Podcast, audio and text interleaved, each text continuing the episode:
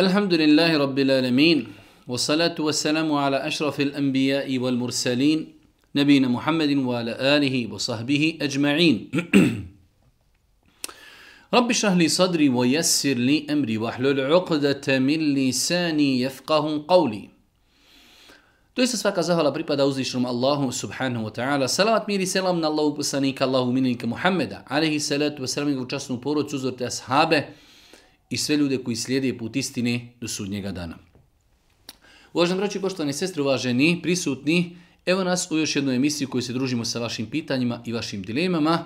Ako smo dobro brojali, ovo je naša 120. emisija.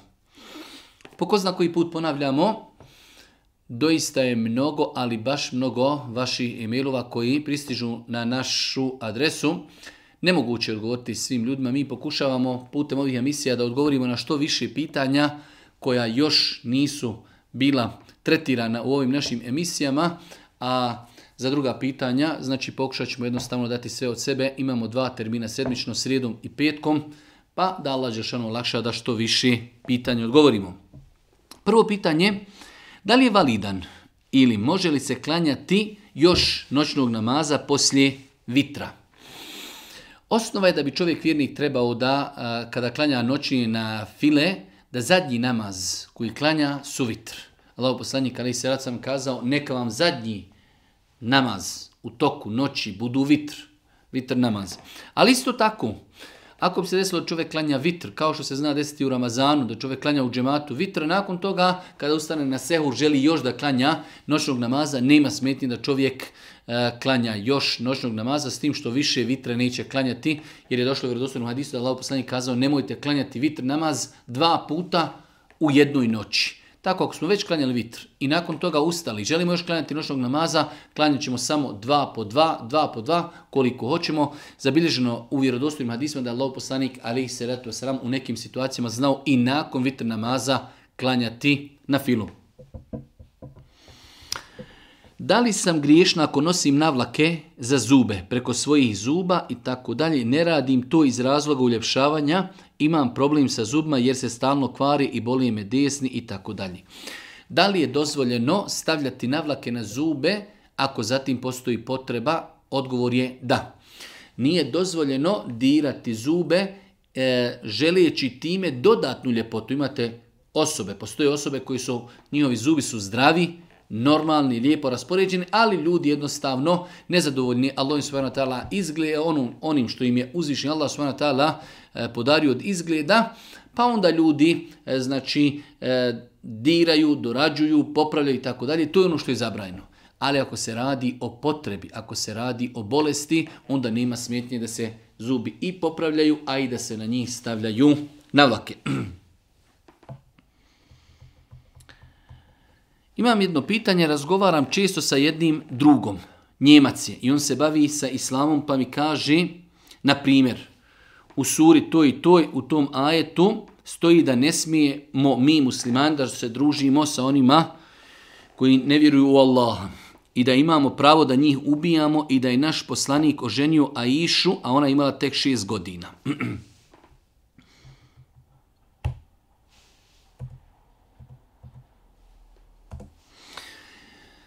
Klasično, standardno provociranje muslimana i iznošenje određenih e, polutačnih informacija. Pa evo na početku kaže, u Kur'anu piše da se muslimanima nije dozvoljeno družiti sa nemuslimanima, apsolutno netačno. Allah Đeršanu kaže u Kur'anu La jenhakumullahu anil ledine lem yuqatilukum Allah vam ne zabranjuje da činite dobročinstvo onima koji se ne bori protiv vas i oni koji vas nisu protjeravali iz vaših domova i tako dalje. Da im činite dobročinstvo. Praksa Božijeg poslanika, ali se ratu sam pokazuje da u Medini su živjeli toliki nemuslimani u to vrijeme. Da li je to Božji poslanik nekoga ubijao i da li je Božiji poslanik, ali se ratu selam nije se družio sa nemuslimanima. Zar nije hadis u Buhari da je Boži poslanik posjetio dijete koje je židovsko dijete koji se razbolilo i na, na smrtnoj postelji ga pozvao u islam i tako dalje. To su polovične informacije. Uzmijete ajet koji govori o borbi. Svaka država, svaki sistem ima svoje pravilnike. Imamo pravilnik ponašanja u miru, imamo pravilnik ponašanja u ratu. Pa neki bolesni ljudi koji žele da jednostavno, eto tako islam prikažu, uzmu ajete i hadise koji govori o kodeksu ponašanja u borbi. I kaže, evo kako se vi muslimani ponašate. Ama de, a ostali u ratu oni milke muslimane i kažu, a što ste lijepi. Pa nije tačno da muslimanima je zabranjeno da se druži sa muslimanima. Nije tačno. Druga stvar, nama je, kaže, i da imamo mi pravo da ih ubijamo. Gdje to muslimani ubijaju nemuslimane? Na svakom koraku nemuslimani ubijaju muslimane i možemo sada nabrojati deset žarišta na, na cijeloj zemaljskoj kubli gdje nemuslimani ubijaju muslimane, ali je uvijek problem islamski terorizam, muslimani ubijaju i tako dalje. Tako da muslimani moraju čitati, moraju učiti, zna, treba da znaju odgovoriti ovim polupismenim ljudima koji iznose ovakve laži i tvrdnje i tako dalje.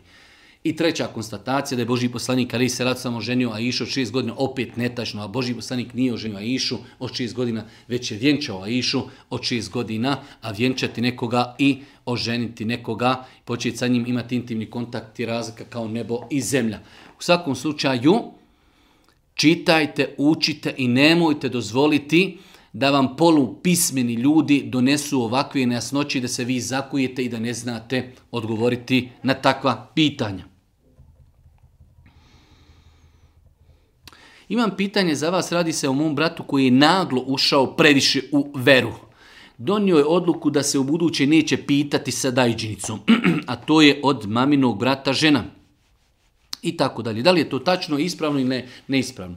U svakom slučaju, e, mi nekada u mladince koji počnu klanjati puste bradu i ne žele aškovati, smatramo da je to naglo. Mi bi nako da oni budu malo i da klanjaju, ali može i nargila, može malo ekskurzije, mole muzika, može ašikovanje i tako dalje.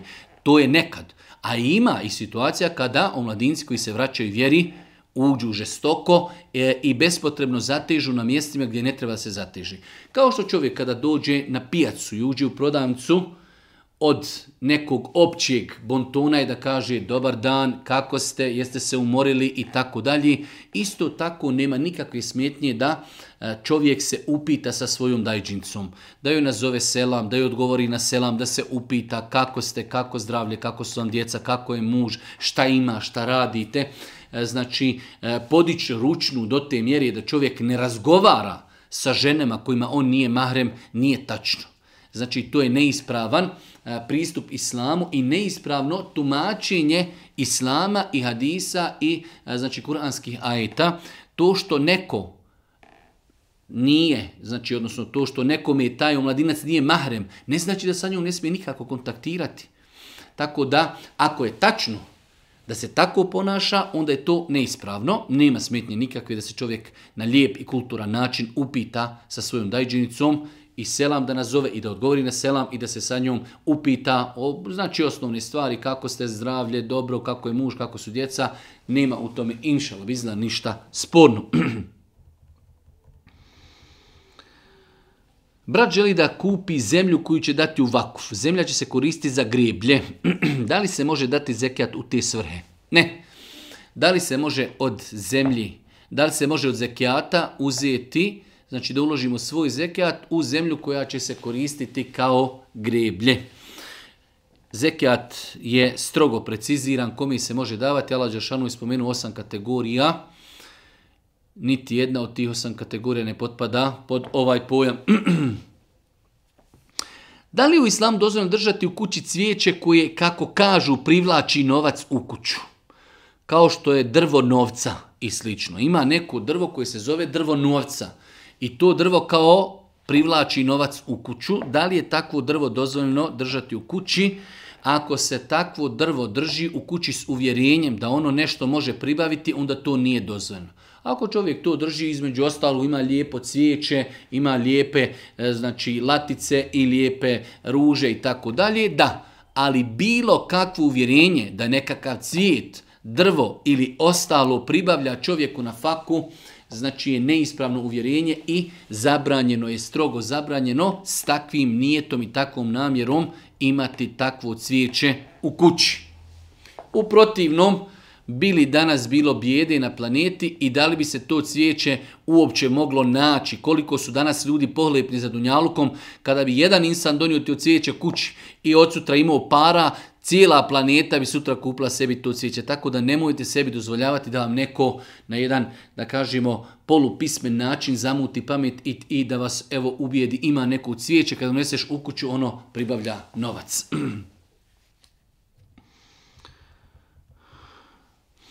U radnom sam odnosu, živim sa suprugom koja ne radi, postanari smo i tako dalje, imamo još neke kredite i tako dalje. E, da li, da li mi je obaveza u takvoj situaciji da koljem kurban?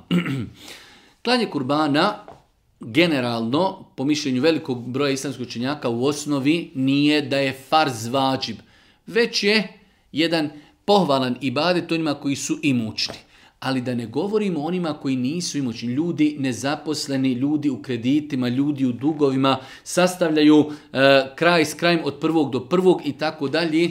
E, to je onaj problem naš što kod nas ljudi, ako čovjek jedne godine zakolje kurban, smatraju da mora narednih ostalih godina neprestano klati kurban, što je netačno uvjerenje kurban kolje onaj koji je imućan. Jedni godini može čovjek biti imućan, sljedeće godine nije. Opet naredni može biti imućan i tako dalje. Onog momenta kada čovjek može iz svog imetka izdvojiti, novac da kupi kurban i da ga e, žrtvuje i zakolje i tako će uraditi onog momenta kada ne bude mogao, neće to uraditi i uzvišeni Allah ga i ne duži i neće biti griješen. Da li dete od 9 godina je obavezno daje zekijat na svoj novac koji ima.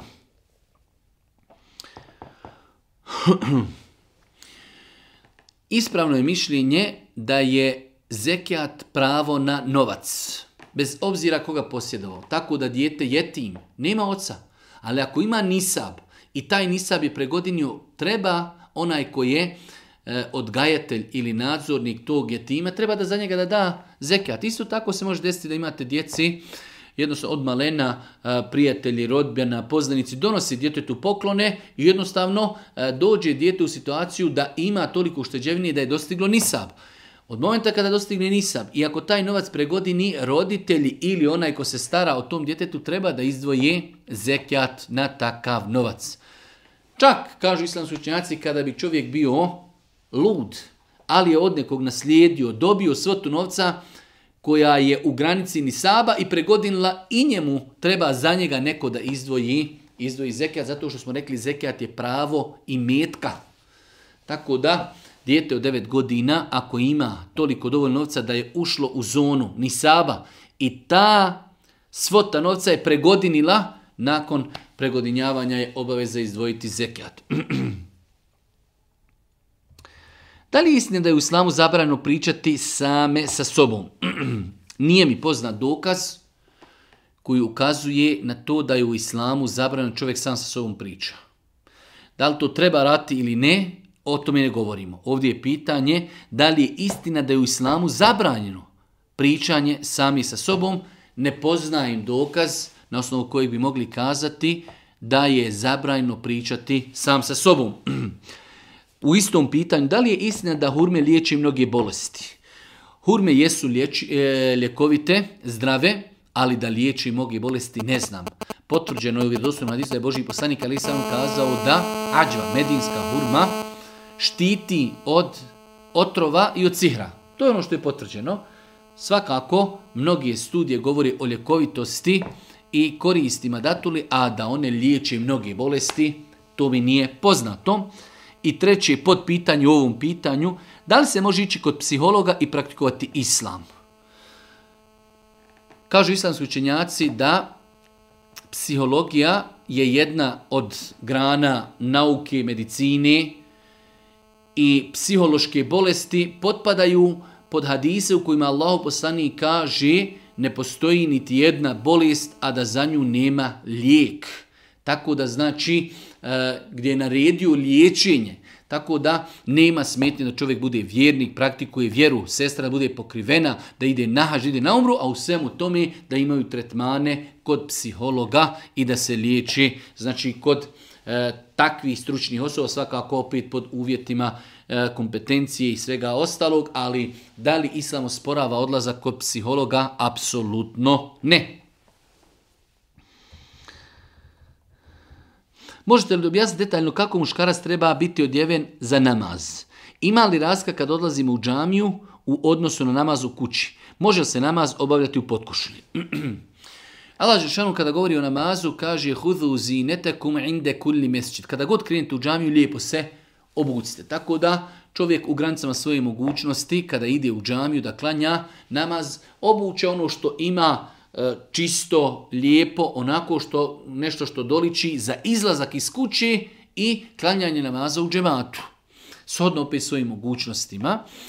Svakako da čovjek možda kada krene u džamiju obuče košulj, obuče sako, obuče hlače, bijele čarape i tako dalje.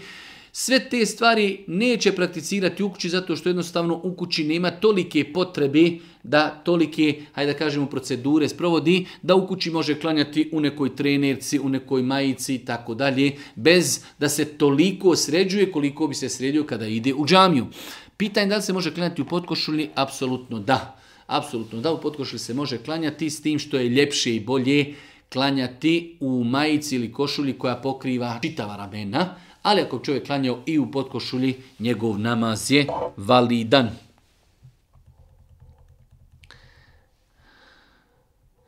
Jedno baš duže pitanje, žena često ima snove sa seksualnim sadržajem. Kada se probudi na odjeći, to jest na vešu, nema nikakvih tragova. Međutim, ona se jedno svaki put kupa i tako dalje, tako da dugo, baš dugo pitanje. Pitanje je da li žena koja vidi e, snove, u kojima ima seksualni sadržaj, ali kada se probudi ne vidi nikakve tragove tečnosti na vešu, da li da se kupa, odgovor je ne. Božijim poslaniku je došla žena eh, u hadisu koji je znači vjerodostojan, pa je kazala Allahu poslaniće, inna Allahe la jestahji Allah se ne stidi istini. Znači došla sam iako je pitanje intimno, ali Allah se ne stidi istine pa kaže je li ženi obaveza da se kupa kada doživi orgazam, odnosno kada žena polucira u snu.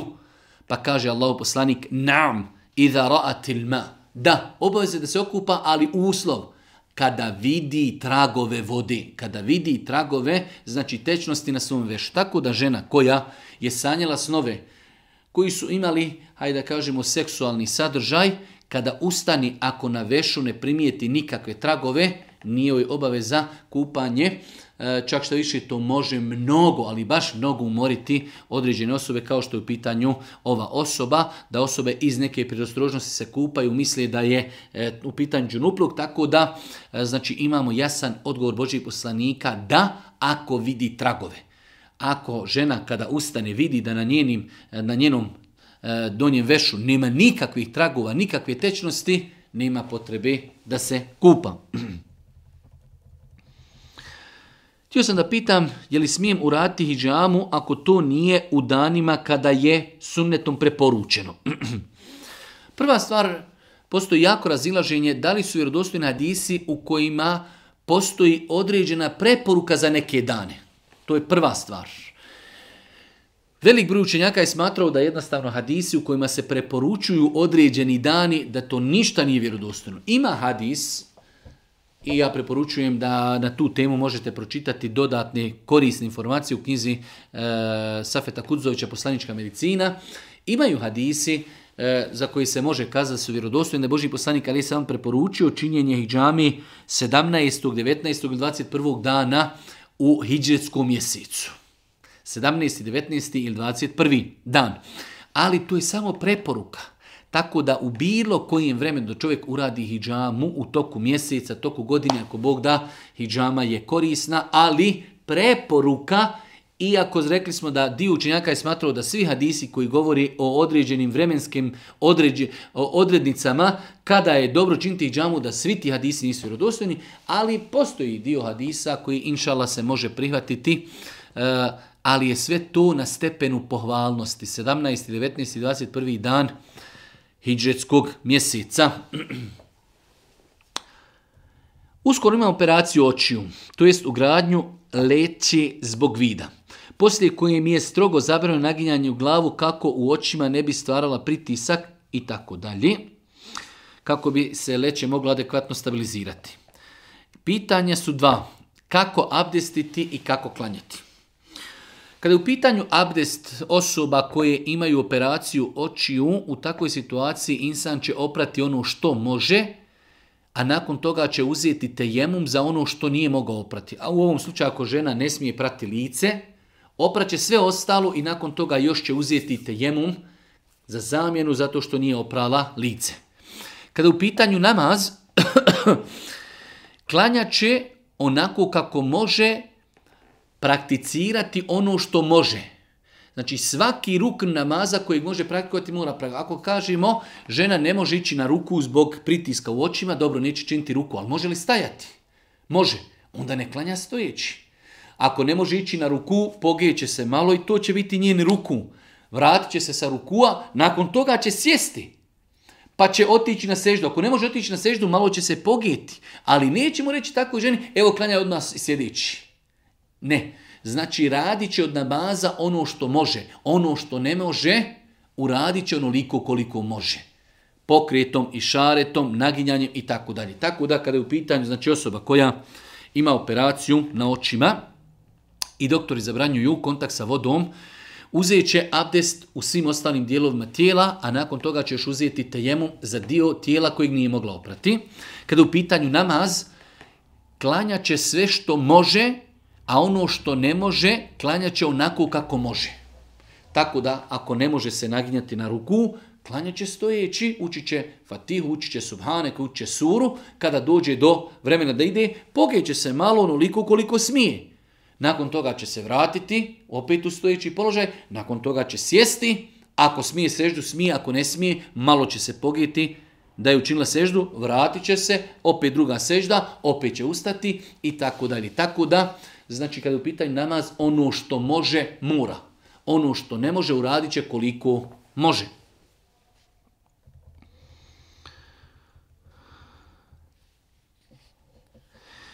Jedno duže pitanje, jedna naša sestra u nekoj teškoj financijskoj situaciji želi da ide sa svojim čovjekom da traži posao u Njemačkoj, ali pošto se nedavno pokrila, boji se da li će moći naći posao u kojem će moći nositi hijab i opcija je ako ne nađe takav posao, da li može da skine hijab. E, prva stvar, e, nisu muslimani u Njemačkoj, od muslimani u Njemačkoj žive, znači e, već decenijama, tako da ne treba da se naša ova sestra brine, nije prva, već je stotine i hiljede i desetine, iako ne možda i stotine hiljada naših sestara koji u Njemačkoj žive, koji nose hijab, ne smije nikako razmišljati o tome da skine svoj hijab kako bi, ne daj Bože, tražila neki dunjalučki interes, e, pokušati svakako, ako već ide, ja ne želim da govorim ići ili ne, ne ići, dozvoljno, nije dozvoljno, o tome ne želim govoriti, ali ako već ide,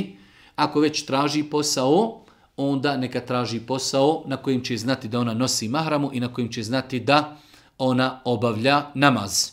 E, nikako ne razmišljati o opciji prihvatanja posla gdje se ne može nositi hijab ili prihvatiti posao gdje se ne može obavljati namaz.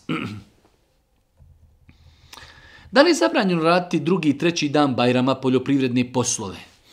Ne postoji dokaz u islamu koji zabranjuje da se nešto fizički radi, pa čak i prvog dana Bajrama, a da ne govorimo drugog dana i trećeg dana. Allah e, iako svi znamo da je i džuma u jednu ruku sedmični praznik, Allah Žešanu u Kur'anu kaže فَإِذَا قُدِيَتَ الصَّلَاتُ فَانْتَشِرُوا فِي A kada završite, kada završite džumu namaz, petak Raširite se po zemlji, idite, radite, tražite Allahove blagodati, tražite Allahovu na faku.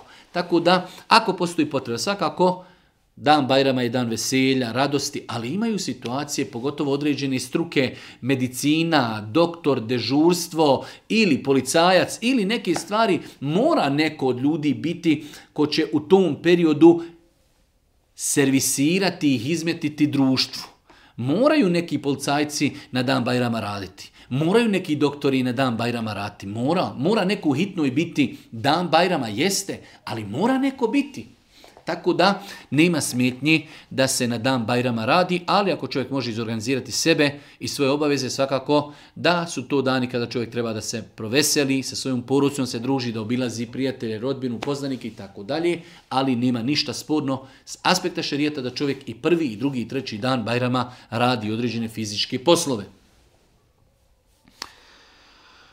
Pitan da li ja mogu od petog do petog postiti šest dana ševala. E, pitanje zato što ljudi ne znaju šta znači mjesec ševal. Mjesec ševal je mjesec koji nastupa poslije Ramazana. Znači prvi dan Bajrama je zabranjeno postiti. Nakon toga 28 dana se može postiti. Tako da prvog petog do šestog petog svakako da se može postiti otprilike 18. 19. Eh, završava mjesec eh, Ševal, tako da sve do 18. 19. imamo prilike i fore da postimo šest dana koje je preporučio Allahu poslanik alihi salatu wasalam. Da li nam možete malo ljepše pojasniti četiri islamske škole, zašto postoji razlike? A kada sam slušao odgovor Zakir Najka na tu temu, kazao je da se prati samo naš poslanik. Pa sam zato skroz izgubljen. U nas u Sloveniji se prati hanefijski način i poslije predaj selama isto zikrimo i tako dalje. U svakom slučaju, e, ovo je pitanje o kojem treba doista dosta vremena se pojasni. E, mislim da je pregrubo kazati da nam ne trebaju mezhebi, ali isto tako pretjerano pridržavanje za mezhebe i kada vidimo da mezheb u datom momentu odstupa od sunneta Božih poslanika eh, i to je greška. Treba ljude podučavati da su na mezhebi eh, olakšica eh, kako da naučimo vjeru. Ali isto tako, kao što su svi utemeljitelji mezheba od Ebu Hanife, Malika, i mama Ahmeda, svi su oni govorili ovo su naši stavovi, svi mi možemo pogriješiti ako u našim govoru nađete nešto što nije e, ispravno, odbijte, prihvatite sunne. Tako ljude treba odgajati, mezhebske knjige treba čitati jer su one e, olakšale ljudima, porijedali su poglavlja fikha, e, nema smetnje da se okoristi knjigama mezheba, pogotovo opća masa, pogotovo opća masa, ali isto tako ljude treba podučavati da e, prvenstveno tragaju za dokazom i za sunnetom Božijeg poslanika, alihi Ne treba biti isključiv pa kazati ne treba i na mezebi, ali isto tako ne treba biti isključiv e, običnoj masi kazati ne treba i na mezebi, samo slijedi sunnet, pa na čemu su bili mezebi osim na sunnetu. Tako da treba tražiti tu zlatnu sredinu, okoristiti se od knjiga mezheba, apsolutno da, jer šta je din osim naši mezhebi, sve četiri mezheba, ali isto tako e, ne smijemo dozvoliti e, da mrzimo jedni druge zbog mezheba, ne smijemo slijepo slijediti, vidimo da je hadis vjerodostojan u Buhari i muslimu, ne, ne, moj mezheb kaže ovako. Ne, ne, prihvatit ćemo a prihvatit ćemo dokaz, a možemo ostati i dalje e, sljedbenici tog meseba. I ovdje na kraju čovjek kaže, e, mi posle selama zikrimo i tako dalje zajedno. E, to nije hanefijski mezheb. Hanefijski mezheb, nažalost, kod nas mnogi stvari se guraju i stavljaju kao da je to hanefijski mezheb, a to nije hanefijski mezheb i nerijetko se dešava da radimo suprotno od hanefijskog mezheba, od muzike, od brijanja brade, od e, učenja Kur'ana za pare, sve su to stvari koji su zabranjene u hanefijskom mezhebu, a mi činimo sve nekako u nekom, e, nekoj prizmi i nekom celofanu hanefijskog mezheba, ako već ljude podučavamo da se drži hanefijskog mezheba, onda i treba podučavati doista šta je hanefijski meseb i u svemu tome tolerancija prema drugim stavovima i tolerancija ako naiđemo da je nešto u mezhebu, a ima u svakom mezhebu nešto što je u suprotnosti sa sunnetom ili sa kuranskim ajetima, treba ljude učiti da prihvati ono što je sunnet. Jedno izuzetno teško pitanje, ali ciljano ćemo ga pročitati, a nećemo na njega dati odgovor. Imala sam prvi brak koji, se, se je okončao sudski, a vjenčala sam, bila sam vjenčana i šerijetski. Poslije nekih šest godina stupila sam u drugi brak. I već pet godina, elhamdulillah, u lijepom sam braku. Sve fino. Pa mene zanima sljedeće. Želila bi se sada sa sadašnjim mužem vjenčati šerijetski. Ali me zanima proces raskida prvog šerijetskog braka. La ilaha illallah žena bila udana. Bila vjenčana i šerijetski i općinski. Razvela se općinski, nije se razvela šerijetski. Pa se nakon toga udala i već pet godina živi, sad nakon pet godina hoće da se vjenča šerijetski. Ostaje pitanje prvog braka. Da li je muž razveo ženu ili ne? Druga stvar, šta čekamo pet godina da se nakon pet godina vjenčajemo šerijetski. Tako da ja neću dati ovdje odgovor zato što se u jednom pitanju nalazi pet pitanja i svako od njih je izuzetno teško, ali je moj savjet braći i sestrama ako stupate u brak, stupajte sa znanjem. Podučite se propisima braka, podučite se propisima razvoda. Ako se razvodite, razvezdite se šerijetski da znate svakog momenta jeste li u braku ili ne, a ne da živimo pet godina u drugom braku, a ne znamo jesmo li prvi brak riješili. Šta u opciji da kažemo da je prvi brak i dalje validan? Pet godina žena živi u drugom braku, a prvi brak još validan. Mnogo teška pitanja. Zato Allah vam dao svako dobro. Vjera nije cirkus. Vjera nije poigravanje. Opasne stvari. Šta mislite da čovjek kaže pet godina žena spava sa čovjekom čini blud? Mnogo teška pitanja. Zato, ako se udajimo, treba da se udajemo kako treba. Da bude staratelj, da budu svjedoci, da bude mehr, sve kako treba. Ako se razvod desio u redu, moramo znati razvod, priček, idet, djeca, moramo to znati. Želimo stupiti u novi brak. Hoćemo čekati pet godina da živimo pa da se tek vjenčamo? Tako da e, nisam dao odgovor na ovo pitanje, imaju tri, četiri pitanja u jednom pitanju, ali je pojenta da ima grešaka mnogo.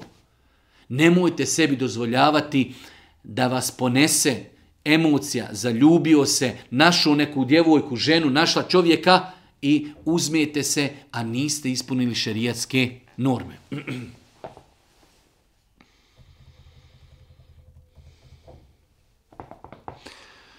Allahom voljom počela sam se vraćati u slamu, među vremenom sam se i pokrila, elhamdla. Prije par dana naručila sam nekoliko abajija s namirom da ih nosim i tako dalje. Jučer je bio prvi dan kada sam obukla jednu i moji roditelji se to nije svidjelo i tako dalje. mi to zabranjuju šta da radim. E, smatram da ako roditelji ne osporavaju djevojci nošenje hijjaba, da nije uvjet, ako ništa dok se ne uda, da nosi abaje. Islamski učinjaci su dozvolili čak da žena nosi tuniku i da nosi suknju. Ako roditelji ne pravi problem oko toga, ne bi preporučio nikako, pogotovo u tim godinama koje djevojka neudata, nema muža, nema nekoga ko će stati iza nje, e, ne bi preporučio da zbog takvih stvari pravi probleme u svojoj porodci. E, jednostavno, naš narod je takav, e, Nekim ljudima je to teško prihvatiti, zbog toga ako roditelji ne zabranjuju hijab, a postavio sam pod pitanje ovoj djevojci, rekla da ne pravi problem, smatram da treba ići niz dlaku na minimum hijaba, a to je nošenje tunika i nošenje e, suknje. To je minimum hijaba kojeg su dozvolili islamski učenjaci. Jedno duže pitanje, radim u hitnoj medicinskoj pomoći već, već duži niz godina i tako dalje. Svi znamo kakva je priroda posla u hitnoj pomoći. Pitanje je, prilikom reanimacije često zna doći do pucanja rebara ili do izbijanja zuba prilikom intubacije. Da li, da li je čovjek odgovoran za to i s druge strane da li će biti nagrađen zbog ovog posla. Rati u hitnoj pomoći definitivno je plemenit posao u kojem čovjek treba da maksimalno se trudi, da poštuje Allah svano propise, ali rati u hitnoj pomoći će čovjek spasavati ljudske živote. Mislim da je to jedna od najljepših e, zanimanja i poslova koje čovjek može raditi, da bude na usluzi ljudima i da spašava ljudske živote. Jer znamo svi da u većina tih nekih težih slučaja prvo dođu u hitnu, nakon toga oni ih usmjeravaju dalje, tako da biti na toj prvoj liniji, to je definitivno jedna velika počast. U svemu tome, e, u velikom broju slučajeva u hitnim, sluča, e, hitnim e, znači, imaju stvari koje su šerijetski zabranjene. Čovjek vjernik ako tu već radi treba da se trudi maksimalno da e, poštuje pravila islama. E u ovakvim slučajevima kada kaže prilikom reanimacije često zna doći do pucanja rebara. čovjek treba da pazi, ali isto tako to su pitanju sekunde, ako čovjeka reanimiramo možda će ostati živ, tako da radimo s ciljem da spasimo njegov život. Pa i ako nastane neki lom ili neka manja šteta, ali smo to mi radili u želji da mu spasimo život. Isto tako ako se slomi neki zub u želji da mu spasimo život, Zub se može poslije popraviti i opraviti i bez zuba čovjek može živjeti, ali mi se bojimo, mi se borimo da mu spasimo život. Tako da čovjek i kada spašava život treba da E, praktikuje i pazi na pravila i odrednice islama, ali ako se na tom putu spašavanje života desi nešto nepredvidivo ili ne daj Bože desi se neka evo šteta kao što je ovdje lom rebra ili e, lomljenje zuba, čovjek je to radio, u, znači nije bila namjera, već je namjera bila da se spasi ljudski život, tako da eh, ako Bog da, duboko se nadam e, da insan zbog toga nije griješan i da će biti kod Allaha nagrađen za te svoje postupke eh, spašavanja ljudskih života.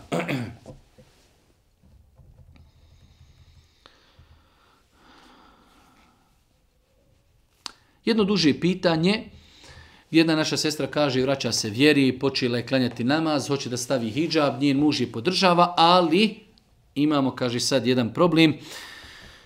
Sestra od njenog muža, njena zava, e, jednostavno odgovara ženu od nošenja hijab. Pogledajte na kakvom smo mi nivou i na kakvom mi znamo biti levelu da e, imamo sestru koja se vraća vjeri, klanja namaz, hoće da se pokrije i dolazi neko koji odgovara i pogledajte, e sad ja s njom razgovaram i rekla, rekla mi je da mi Allah dragi da ne, ali ona meni kaže da ne srljam. Jer je ona kao pričala sa učenim ljudima i da su joj rekli da u Kur'anu ne stoji jasno da se nosi hijab. E, kao po tome žena stalno se krije, nosi hijab, ne smije ovo, ne smije ono, muškarci smiju sve i tako dalje. E ovo vam je bolest savremenog doba, ovo vam je feminizam umotan u celofan islama, e, po konsenzusu islamskih učenja. Čuje Ona pitala neke učene. To nisu učeni, to su džahili. To su veliki, veliki e, ljudi koji unose razdor u muslimanske krugove. Čuj, žena hoće se pokrije i onda joj dođe neko i kaže ne trebaš se pokriti, ja sam razgovarala sa nekim učenim, u Kur'anu ne piše da se treba žena pokriti, žena se non stop sakriva, sve je ženama zabranjeno, muškarcima nije ništa. Pogledajte vi tog bolesnog pristupa vjeri. Ženama je sve zabranjeno, žena sjedi ko kraljica kod kući. Muž joj mora obezbijeti hranu i piće i sve živo, Mora, ona može biti milijardirka, on joj mora obizbijeti hranu i piće i stan i muškarcima i sve dozvoljeno, ženama ništa nije dozvoljeno. Ovo su bolesne osobe, bolesni način tumačenja vjeri. Hidžab postoji od vremena Božijeg poslanika, alihi salatu wasalam. Supruge Božijeg poslanika su nosile nikabe. Po konsenzusu islamskih učenjaka ženi je obavez da se pokrije, osim što postoji razilaženje da li mora pokriti lice, nikab ili ne. Ali nikada niko od mezhebskih učenjaka nije doveo u pitanje hijab, osim ovih naših bolesnih filozofa koji su svoje znanje učili po kršćanskim zemljama nikad u životu nisu zavirili ni na kakav islamski fakultet, ne znaju arapski jezik i onda među muslimanske mase unosi smutnju. Tako da moj savjet je sa takvim osobama ne trebate razgovarati o islamu, nastavite onda gdje ste stali, klanjate, što prije donesite odluku ako Bog da da se pokrijete, ostavite njima njihovo tumačenje islama. Zanima me stav Islama o maturi koja se organizira na kraju devetog razreda osnovne škole pošto se dešavaju mnoge radnje koji su Islamom zabranjene. sam jasno pitanje, jasan odgovor. Može li se ići na maturu na koju imaju stvari koje su zabranjene? Ako ima stvari koji su zabranjene, ne može. Ako se pod maturom misli okupljanje učenika pred školom i neka, neka šetnja, ne vidim u tome ništa sporno, ali ako se pod maturom misli o kupljanju nekoj diskoteci, u nekom hotelu gdje će biti alkohol, gdje će biti duhana, gdje će biti muškarci i žene izmiješani, gdje će biti muzike, gdje će možda biti i mnogo još gori stvari da i ne spominjemo, svakako da vjerničko dijete ne treba da dolazi na takve skupove. Znači ako je u pitanju neki defile, da se djeca okupe pred školom sa svojim roditeljima, prošetaju kroz neku ulicu, kroz neko šetalište, ne vidim u tome ništa sporno ali e, organiziranje određenih proslava bez roditelja gdje će biti muzike, gdje će biti duhana, gdje će biti alkohola, gdje će biti nargile, gdje će biti droge, apsolutno je zabranjeno vjerničkom djetetu da bude na takvim mjestima.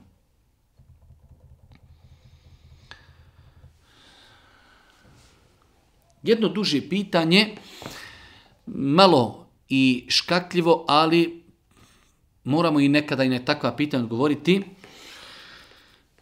Osoba nam je citirala tri hadisa u kojima Allah poslanik ali se letu selam zabranio eh, intimni kontakt muškarca sa suprugom u analni otvor. Znači, vjerodostojni hadis potvrđuju da je zabranjen intimni kontakt u analni otvor. To je zabranjen. E sada je pitanje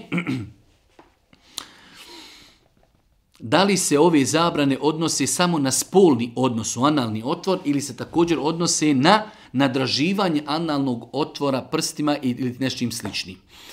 Znači da u islamu je strogo zabranjeno da čovjek ima, i to je tačno potvrđeno, da ima intimni kontakt u analni otvor. Islamski učenjaci su kazali e, da ako predstavlja supružnicima e, znači zadovoljstvo, nadraživanje, čak i analnog otvora bez E, ulaska bilo čega od e, znači muškog spolnog organa ili nečega drugog u analni otvor, što je zabranjeno. Ali ako im predstavlja, ako im predstavlja to e, naslađivanje, znači da to nije zabranjeno. Pitanje, odnosi li se samo ove stvari na spolni odnos u analni otvor ili se također odnose na nadraživanje analnog otvora? Znači, nadraživanje analnog otvora, ako to supružnicima predstavlja zadovoljstvo, nije zabrajno. Ali je zabrajno, znači, e, ulazak muškog spolnog organa u analni otvor ili bilo čega drugog. Ili bilo čega drugog.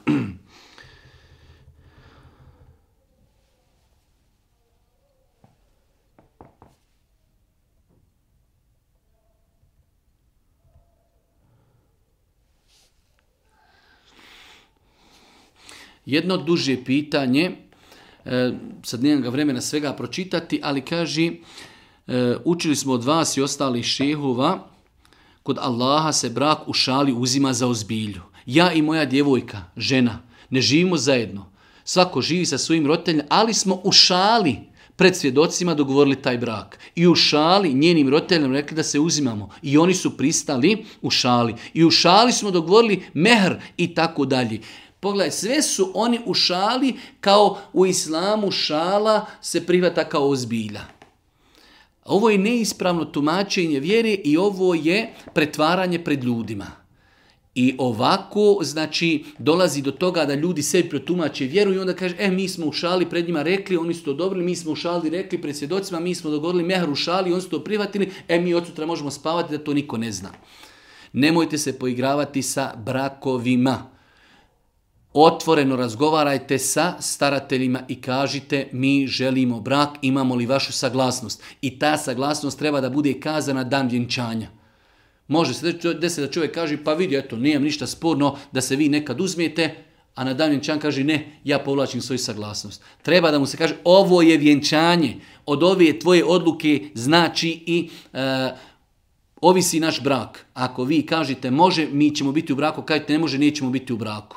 A ne, mi u šali rekli svjedocima, mi u šali rekli babi, mi u šali dogovorili mehr i sve to pod izgovorom u šali je brak e, ispravan.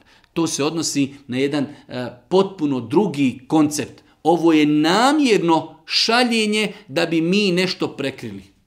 Tako da, moj savjet, nikako se ne igrati sa tim stvarima, pogotovo dolaziti u situaciju da čovjek počne e, doticati ženu, ljubiti i ne daj Bože imati intimni kontakt znači ta šala, to još ništa nije ozvaničeno, treba jasno tražiti saglasnost od staratelja za brak. Majka me je ostavila kod oca kada sam bila beba, druga žena mog oca me je odhranila, sada sam udata i tako dalje. Zanima me da li se smanjilo pravo moje majke i tako dalje i kakve su moje obaveze prema ženi koja me je odhranila. Majka kada ostavi svoje dijete, možda imala opravdan razlog, možda nije. I ako je pogriješila, to nikako ne umanjuje prava koje ona uživa kod svoga djeteta. Ona ako nije ispunila svoja prava prema svome djetetu, nećemo greškom vraćati grešku. Ona će odgovorna biti na sudnjem danu zašto je ostavila dijete, je li imala pravo i tako dalje. Ali E, dijete ne smije greškom uzvratiti grešku. Tako da majka ostaje majka, dobročinstvo prema majici ostaje obaveza a osoba koja je podigla tu e, djevojku ili djevojčicu svakako da zaslužuje dodatnu pažnju, da zaslužuje respekt, uvažavanje, dobročinstvo, ali ona ostaje ipak supruga od njenog oca, ne može ona njoj biti majka, niti na levelu majki, ali može i obaveza je onaj ko ne zahvaljuje ljudima, ne zahvaljuje ne Allahu, da joj zahvaljuje, da joj čini dobročinstvo, da joj to nikada ne zaboravi, da joj uzrača, apsolutno, apsolutno da. Da se tokom Bajrama ide na mezarje. Šta Islam kaže generalno odlasku na mezarje? Islam postiče na odlazak e, da se posjete mezarluci s ciljem prisjećaja na hiret. Imamo više na na da Boži poslanik i riječima postakao da se obilaze mezarluci kako bi se čovjek prisjetio Hireta, a i on je lično praktično to pokazivao, obilazio je e, e, mezarluke Bekije i druge mezarluke. Da li to činiti na Bajram? Ne dani Bajrama su dani veselja i radosti. Prva stvar, precizirati dan, bez obzira kada se bio tu 30. juni, kada to bio 12. oktobar, 19. septembar, precizirati dan u kojem se samo posjećuju e, mezarlucije novotarija. A pogotovo je to problematično ako to stavimo na dan veselja i radosti pa je greška, greška odrijediti dan kada se posjećuju mezarluci, to je prva greška. Druga greška je precizirati da to bude na dan Bajrama. Dani Bajrama su dani veselja, radosti i u tim momentima čovjek ide na mezarluke i prisjeća se svojih umrli i definitivno će to eh, pomutiti njegovu radost bespotrebno. Da li je namaz primljen osobi koja nije osunnečena? Osoba koja nije osudnečena, generalno njen namaz je ispravan. Generalno. S tim što osoba koja nije osunnečena mora dodatno paziti na higijenu, jer znamo e, da je mnogo lakše voditi higijenu osobi koja je osudnečena od osobi koja nije osudnečena, ali osoba e, ako pazi na higijenu, to ne utiče na validnost jednog namaza. Mi ne govorimo o propisu. Punoljetna osoba treba da se osunneti. To je propis poznat. Ali desi se da čovjek primi islam, desi se da nekoga roditelji nisu osunetili i tako dalje, punoljetan je, da li je validan njegov namaz? Njegov namaz je validan, ali mora paziti na ličnu higijenu. Mora paziti, znači dodatno paziti na higijenu. Da li žena u hajzu i nifasu može uzeti mushaf sa prijevodom? Može. Mushaf sa prijevodom se u današnje vrijeme tretira kao tefsir a tefsir, ako Bog da, znači te knjige tefsira je dozvoljeno uzeti u periodu mjesečnice ili hajza ili nifasa. Da li je haram nositi konac koji je naučen, koji je naučen, na primjer u novčaniku ili u džepu? Da li je haram nositi konac koji je naučen? Da li je haram nositi konac na koji je se nešto kao naučilo? E, može se naučiti Kur'an na vodu, na ulje ili na hranu, ali naučiti Kur'an na konac.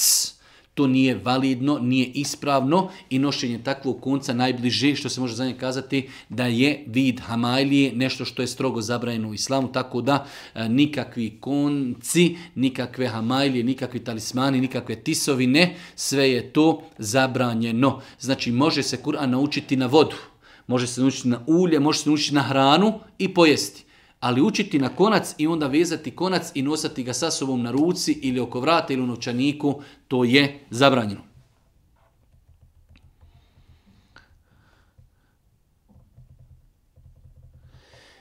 Mogu li dati zekijat mojim sestrama koji žive tako što jedva kraj s krajem sastavljaju? S aspekta islama dozvoljeno da sestra dadne svojoj sestri zekijat, jer zekijat se samo ne može davati uzlaznoj i silaznoj lozi. Uzlazna loza su otac i majka, djed i nana i tako dalje. Silazna su djeca i njihova unučad i tako dalje. Ako te sestre potpadaju pod termin sirotinje i bjede. Sirotinje i bijeda su oni koji nemaju dovoljno mjesečnih prihoda da mogu živjeti normalno u vremenu i prostoru u kojim se oni nalazi. Tako da ako oni potpadaju pod termin bijede, dozvoljeno im je dati da sestra svoju sestri dadne zekijat. Posljednje pitanje, e, pitanje ribolova. Da li je dozvoljeno koristiti žive mamce prilikom e, ribolova? Islamski učenjaci su kazali da ako zatim nema potrebe da to ne treba ni raditi. Ali ako bi postojala potreba da to nije više ni pokuđeno. Ako nema potrebe, to bi bilo pokuđeno, a ako nema potrebe, znači ako ima potreba,